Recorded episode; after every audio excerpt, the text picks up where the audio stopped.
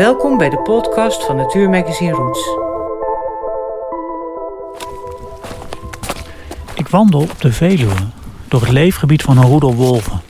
Het is een mooie herfstdag. Het heeft net heel hard geregend en de bladeren glinsteren nog van het vocht. Maar nu schijnt de zon. Prachtige wolkenluchten trekken over. Maar dit is dus ook het leefgebied van een wolf. Een roedelwolven zelfs. Een mannetje, een vrouwtje en een stel jongen.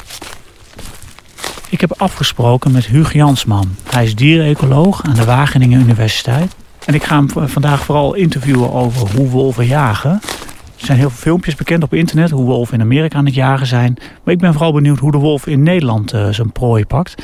En Huug gaat daar meer over vertellen. En mijn eerste vraag is dan ook, hoe jagen wolven in Nederland? Ja, dat is een ongelooflijk groot mysterie, want dat weten we gewoon niet. Uh, je zei het al, filmpjes uit Amerika, die komen bijna allemaal uit Yellowstone National Park. Daar zijn, zijn sinds 95 de wolven weer geherintroduceerd. En het voordeel daar is, het is een heel open gebied. Dus daar is van A tot Z een wolvenjacht te zien en wellicht dus ook te filmen.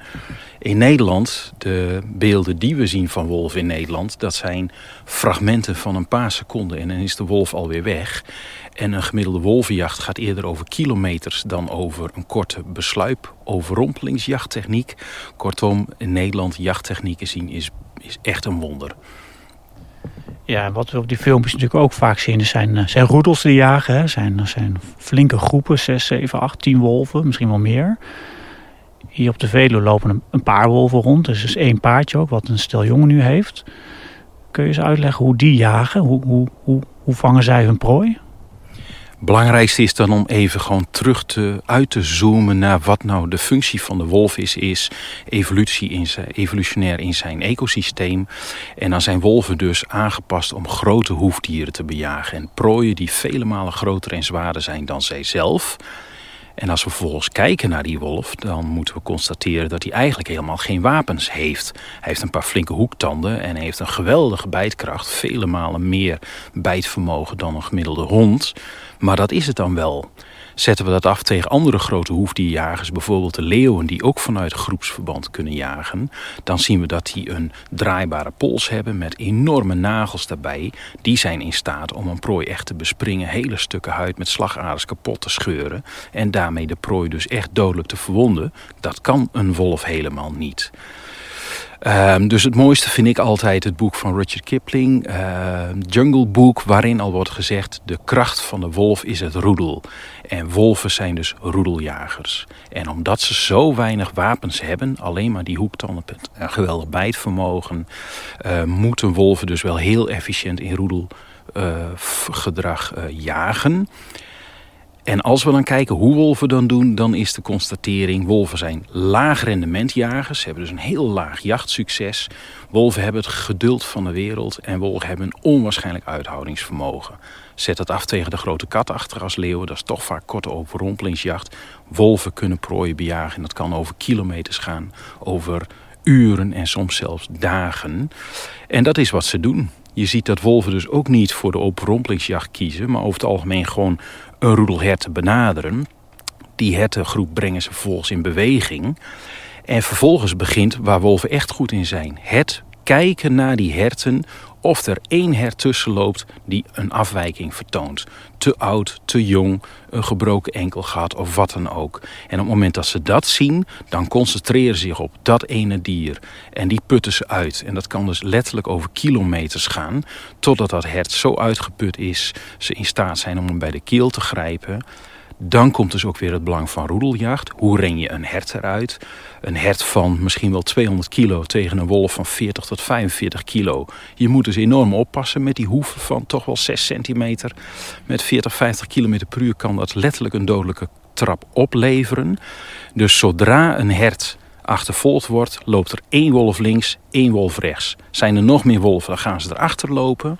En dan krijg je dus het spel dat zodra het hert de aandacht geeft aan de wolf die links van hem loopt, dan slaat de wolf die rechts loopt toe en omgekeerd. En zo blijven ze dat hert bestoken totdat ze hem uitgeput hebben, die niet meer echt rent, maar meer stil moet gaan staan.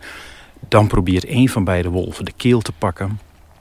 En uh, zodra ze die keel dicht hebben gebeten, ja, dan vroeg of laat is de zuurstoftoevoer zodanig beperkt dat zo'n hert neerstort. En dan kunnen ze hem echt afmaken en op gaan eten. Je noemt net twee wolven, hè? die aan beide kanten loopt er eentje. Dat is dus ook wat hier op de Noord-Veluwe, denk je, gebeurt? Dat is wel het meest waarschijnlijk als ze voor edelhertjacht gaan. Je moet je voorstellen, daarnaast zijn wolven ook prima in staat om met muizen, haasachtigen, uh, reeën, biggetjes van wild zwijnen uit de voeten te kunnen. En dat kan een solitaire, een Einzelgängerwolf ook heel goed alleen. Ehm, ik moet er ook bij zeggen dat wolven zo ontzettend intelligent zijn dat ze ook van de vele rasters die op de Veluwe gebruik maken. En daarmee bootst dat raster eigenlijk de tweede wolf na. Want dat hert kan dan dus nog maar één kant op. En daar probeert die ene wolf dus gebruik van te maken om dat hert een raster in te jagen. Ook dat gaan we ongetwijfeld zien en is al geconstateerd hier op de Veluwe. Uh, dus wolven zijn ongelooflijk intelligent om van hun kwetsbaarheid een kracht te maken. Oké, dus als de alleen zijn, dan, dan jagen ze eigenlijk op wat kleinere prooidieren. En als ze dus met z'n tweeën zijn of meer, willen ze ook wel een grotere pakken. Ja. Of doen ze met z'n tweeën ook wel het kleinere werk? Ook wel. En ook dat zal ervan afhangen van hoe of wat. We hebben eerlijk gezegd geen goed idee wat wolven hier op de Veluwe eten. Er zijn nu zo'n 100 keutels gevonden, schat ik zo grofweg in. Uh, daar zouden wij haren uit kunnen analyseren onder de microscoop binoculair. Uh, een oud collega van ons van een voorganginstituut heeft daar een prachtige atlas over geschreven. De Terik haaratlas van zoogdieren. En dan kun je aan de schubben van bepaalde haren precies zien of het van een edelhert, een damhert, een ree, een mouflon, maar ook een wild zwijn. Wat we al wel hebben kunnen constateren is dat bepaalde haren, de dekharen van wilde zwijnen, die hebben een gespleten haartop en zijn daarmee echt uniek. In een behoorlijk aantal keutels troffen we die haren aan, dus konden we gewoon voor camera's al laten zien, kijk, deze keutel is heel duidelijk van een prooi uh, wild zwijn geweest. Onze collega's in voormalig Oost-Duitsland hebben al 6.500 keutels onderzocht van de wolvenroedels in en rond Lausitz. En daar kwam uit dat zo'n 53% van de, pro, van de keutels bevatte haar van ree, 17% wild zwijn, 15% edelhert, 10% damhert en 1% ongeveer lambohuisdieren. Dat is een situatie waarin de wolfroedels gevestigd zijn en de lokale agrariërs al twintig jaar ervaring hebben met hoe hun schaapjes veilig weg te zetten. Dus dat wil niet zeggen dat we dat één op één naar de Veluwe kunnen vertalen. Maar het laat wel heel duidelijk zien dat wolven zeer gespecialiseerd in, zijn in wilde hoefdieren. Want denk je dat die cijfers die je net noemt van Duitsland, dat die min of meer vergelijkbaar zijn voor Nederland? Dat is wel heel waarschijnlijk. Uh, niet overal op de Veluwe komt damhet voor, maar grosso modo zou je dat wel kunnen stellen. Een ander verschil zal zijn, zodra een roedel nog maar uit één of twee volwassen dieren bestaat, zal het accent toch vooral liggen op de wat kleinere hoefdiersoorten pas op het moment dat het paar gaat jagen en eventueel jongen van vorig jaar meeneemt bij die jacht, dan heb je het over meerdere volgroeide wolven. En dan zou het accent wel eens heel duidelijk op grote edelherten kunnen komen te liggen. Dat is waar ze uiteindelijk uh, zeer goed in zijn. En, kun je eens uitleggen wat, wat hè, oh, even dat paardje wolven als uitgangspunt nemen? Die hebben nu vijf jongen, wordt, uh, uh, lees ik in de media. Um, als vader en moeder wolf op pad gaan, hoe, hoe, gaan ze te werk? De jongen blijven, blijven achter, neem ik aan. En dan? Ja, afhankelijk van hoe oud de jongen zijn, blijven ze de eerste tijd op wat wij noemen de rendezvous-site achter. En dat is dus ook heel erg kwetsbaar, want dan zijn de ouders er niet bij. Als dan iemand ze vindt en ze gaat voeren, dan zijn ze dus echt uh, ja, een groot risico dat die voeren dus die wolven gedrag gaan vertoren die uh, niet wenselijk is. Uh, maar die blijven dan achter. De ouders gaan jagen en komen na een halve dag of een dag weer terug met eventueel wel of geen voedsel. Je moet je realiseren dat wolven echt van de feast en famine zijn. Ze kunnen dagenlang zonder voedsel om in één keer 10 kilo vlees in de maag te kunnen vervoeren. Um, hun territoriale systeem is ook zodanig dat een gebied zo groot is dat ze hun hoefdierpopulaties nooit uitroeien. En dat betekent voor Veluwe waarschijnlijk dat we tussen de 200 250 vierkante kilometer territoriumomvang zullen gaan zien bij de wolven, roedels, de territoria hier. En daarbinnen wordt elke dag een deel van dat gebied afgezocht op prooi. En dan is het maar net wat ze tegenkomen en of ze iets weten te vangen. Nou, op dit moment lopen er nog heel veel biggen van wilde zwijnen. Uh, er is er altijd wel één die wat te traag met de volwassen zeugen meeloopt. Ja, en zo'n dier wordt dan wel geprobeerd te pakken, et cetera. En dan, ook dan is het weer handig om met meerdere te zijn. Want de zeugen zijn ontzettend beschermend. Eén wolf leidt de volwassen zeug af en de ander pakt vervolgens even snel een big en rent ermee weg. Ehm... Op het moment deze fase, de wolvenjongen zijn waarschijnlijk van begin mei, dus die zijn nu een maandje of vier, vijf oud. Dat is de fase dat jongen ook al mee kunnen gaan op jacht met de ouders. Dan lopen ze eigenlijk alleen nog in de weg, maar ze krijgen dan al wel de les mee van hey, hoe blijf ik op gepaste afstand van een hert als we die heel dichtbij rennend uh, benaderen, et cetera. Um, en dat is de trainfase. Dan leren ze wat zien mijn ouders als prooi en hoe moet ik die benaderen. Hoe selecteer ik welke prooi wel of niet te pakken is. En vervolgens hoe sla ik toe. Oké, dus de jongens zijn nu ook al mee op pad. Um, vanaf welke leeftijd gaan ze echt zelf jagen? We weten uit de literatuur dat sommige wolven al vanaf 4, 5 maanden zelfstandig kunnen zijn. Als om wat voor reden de ouders worden gedood of zo, dan zijn er wolvenjongen die vanaf die leeftijd weten te overleven. Maar dan moet je je wel realiseren dat dat nog vooral op muizen, kleine knaagdieren en wolven zijn ook prima in staat om met fruit, vruchten en zo uh, redelijk goed rond te komen. Er ligt heel veel aas op de Veluwe, dus ook dat is een prima voedselbron. Echt efficiënt jagen dat, uh, dat kost nog wel een jaar met ouders meegaan en daar heel veel leerervaring op doen. En sommige wolven die blijven zelfs hun hele leven bij het ouderlijk roedel om dat te blijven leren en de kracht van het roedel te versterken. Dat ligt ook een beetje aan de situatie. Zoals in Yellowstone is nu de draagkracht van het gebied bereikt. Al heel lang zitten daar op tien roedels met zo'n beetje 100 wolven in totaal. Daar kun je als jonge wolf maar beter bij het ouderlijk roedel blijven... om de kracht van dat roedel te versterken... dan te proberen op eigen poten te gaan staan. Omdat je in dat enorme spanningsveld van al die andere concurrerende roedels... bijna niet zelf een plek weet te vinden. Um, hier op de Veluwe is de sky the limit. Er is nog zoveel vrije ruimte. Het brult nog van de hoefdieren. Er moeten de, we schieten de jaarlijks 70% van de zwijnen af, 50% van de edelherten. Op duizenden dieren praten we dan. Uh, dus er is voedsel genoeg voor wolven hier.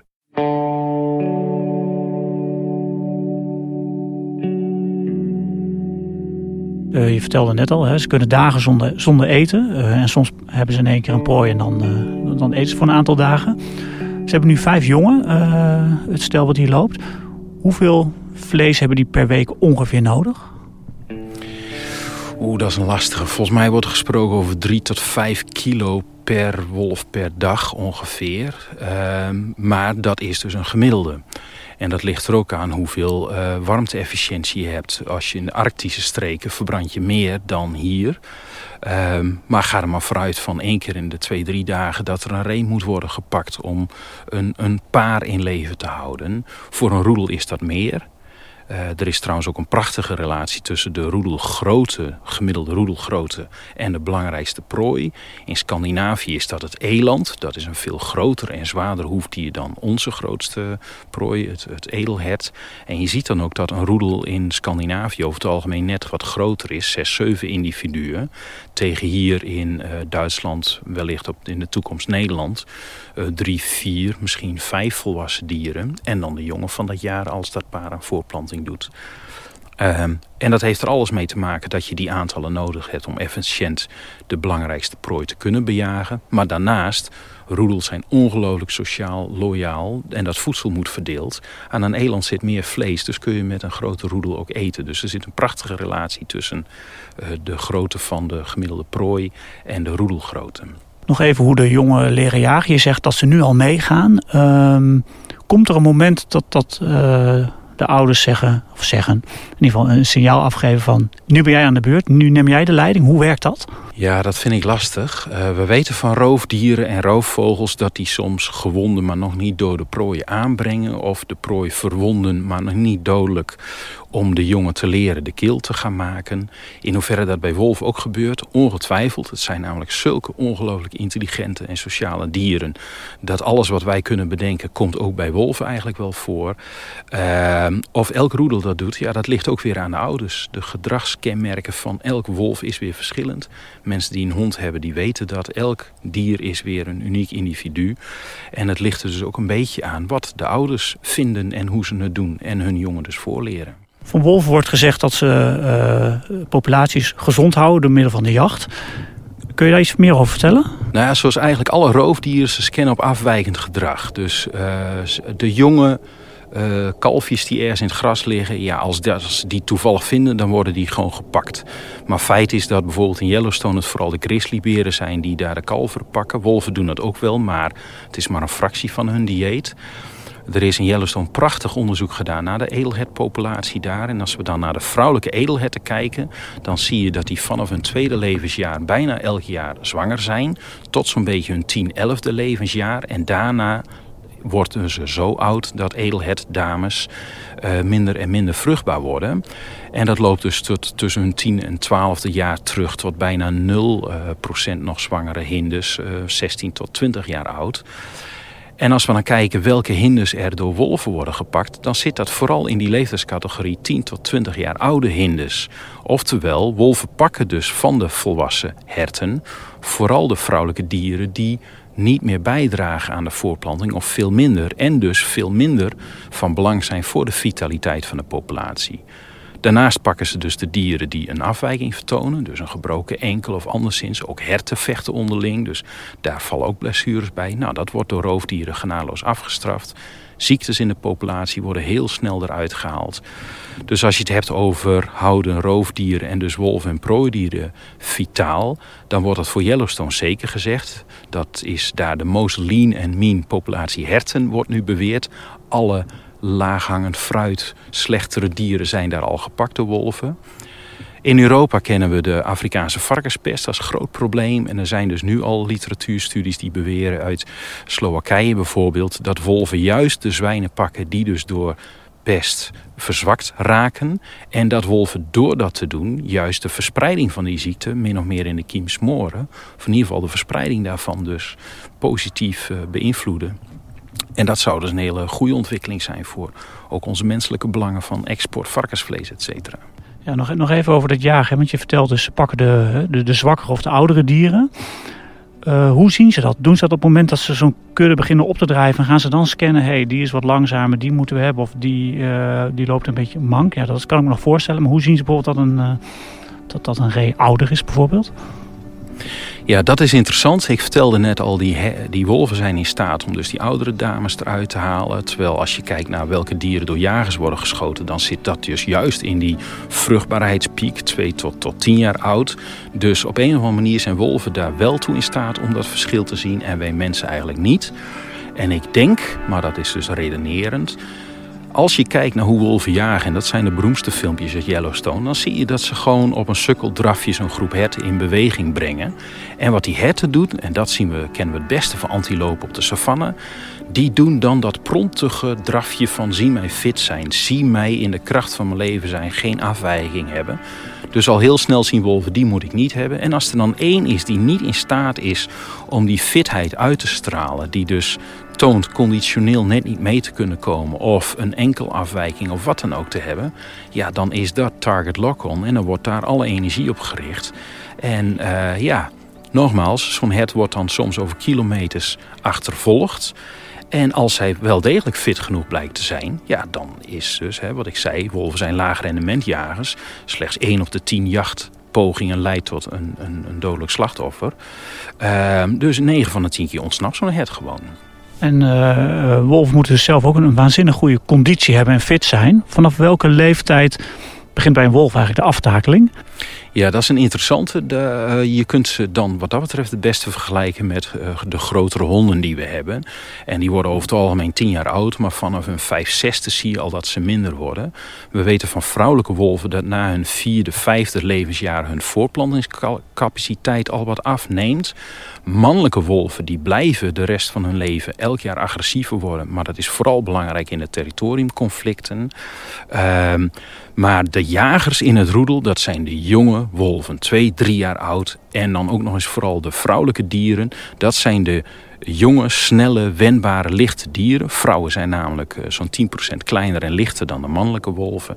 En de mannen zijn dus een stuk zwaarder, dus dat zijn meer de diesels. Die komen van achterop. Vrouwen en jonge wolven omsingelen het hert. Vervolgens komen de zware mannen en die trekken dan zo hert naar de grond... omdat ze dat met hun iets grotere lichaamsgewicht iets beter kunnen doen. Ehm Ik denk dat de meeste wolven niet ouder worden dan 2, 3, 4 jaar. De dieren die dat halen en in een goed roedel zitten, die kunnen in het wild 8 tot 10 jaar oud worden. Maar dat is echt een uitzondering.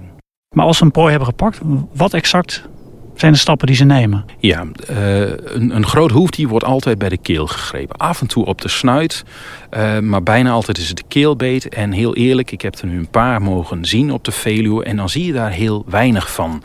Pas als ik de keelhuid opentrek, zie ik dat daar onderhuid een enorm bloedtrauma zit. Nou, daar heeft dus die enorme krachtige bek omheen gezeten en die keel dichtgedrukt totdat ze gewoon letterlijk gestikt zijn.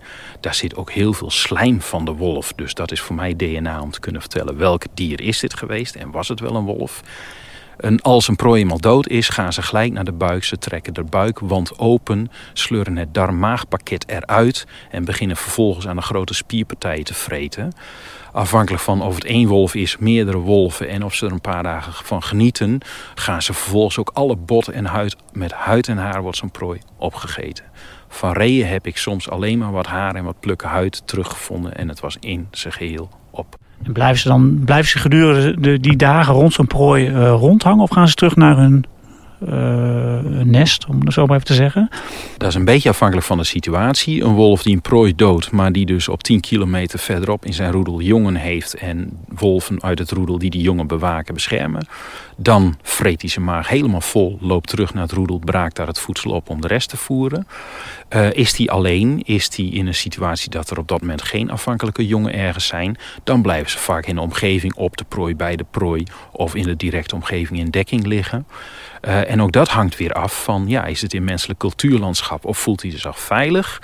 We kennen gebieden waar uh, mensen die een hekel aan wolven hebben op elke kil gelijk gif uitleggen. Daar zie je dat wolven heel snel leren nooit meer terug te keren op een gedode prooi. En in gebieden waar dat probleem niet is, ja, als ze daar alle rust en vrijheid krijgen, dan vreten ze in een week tijd zo'n hele prooi weg.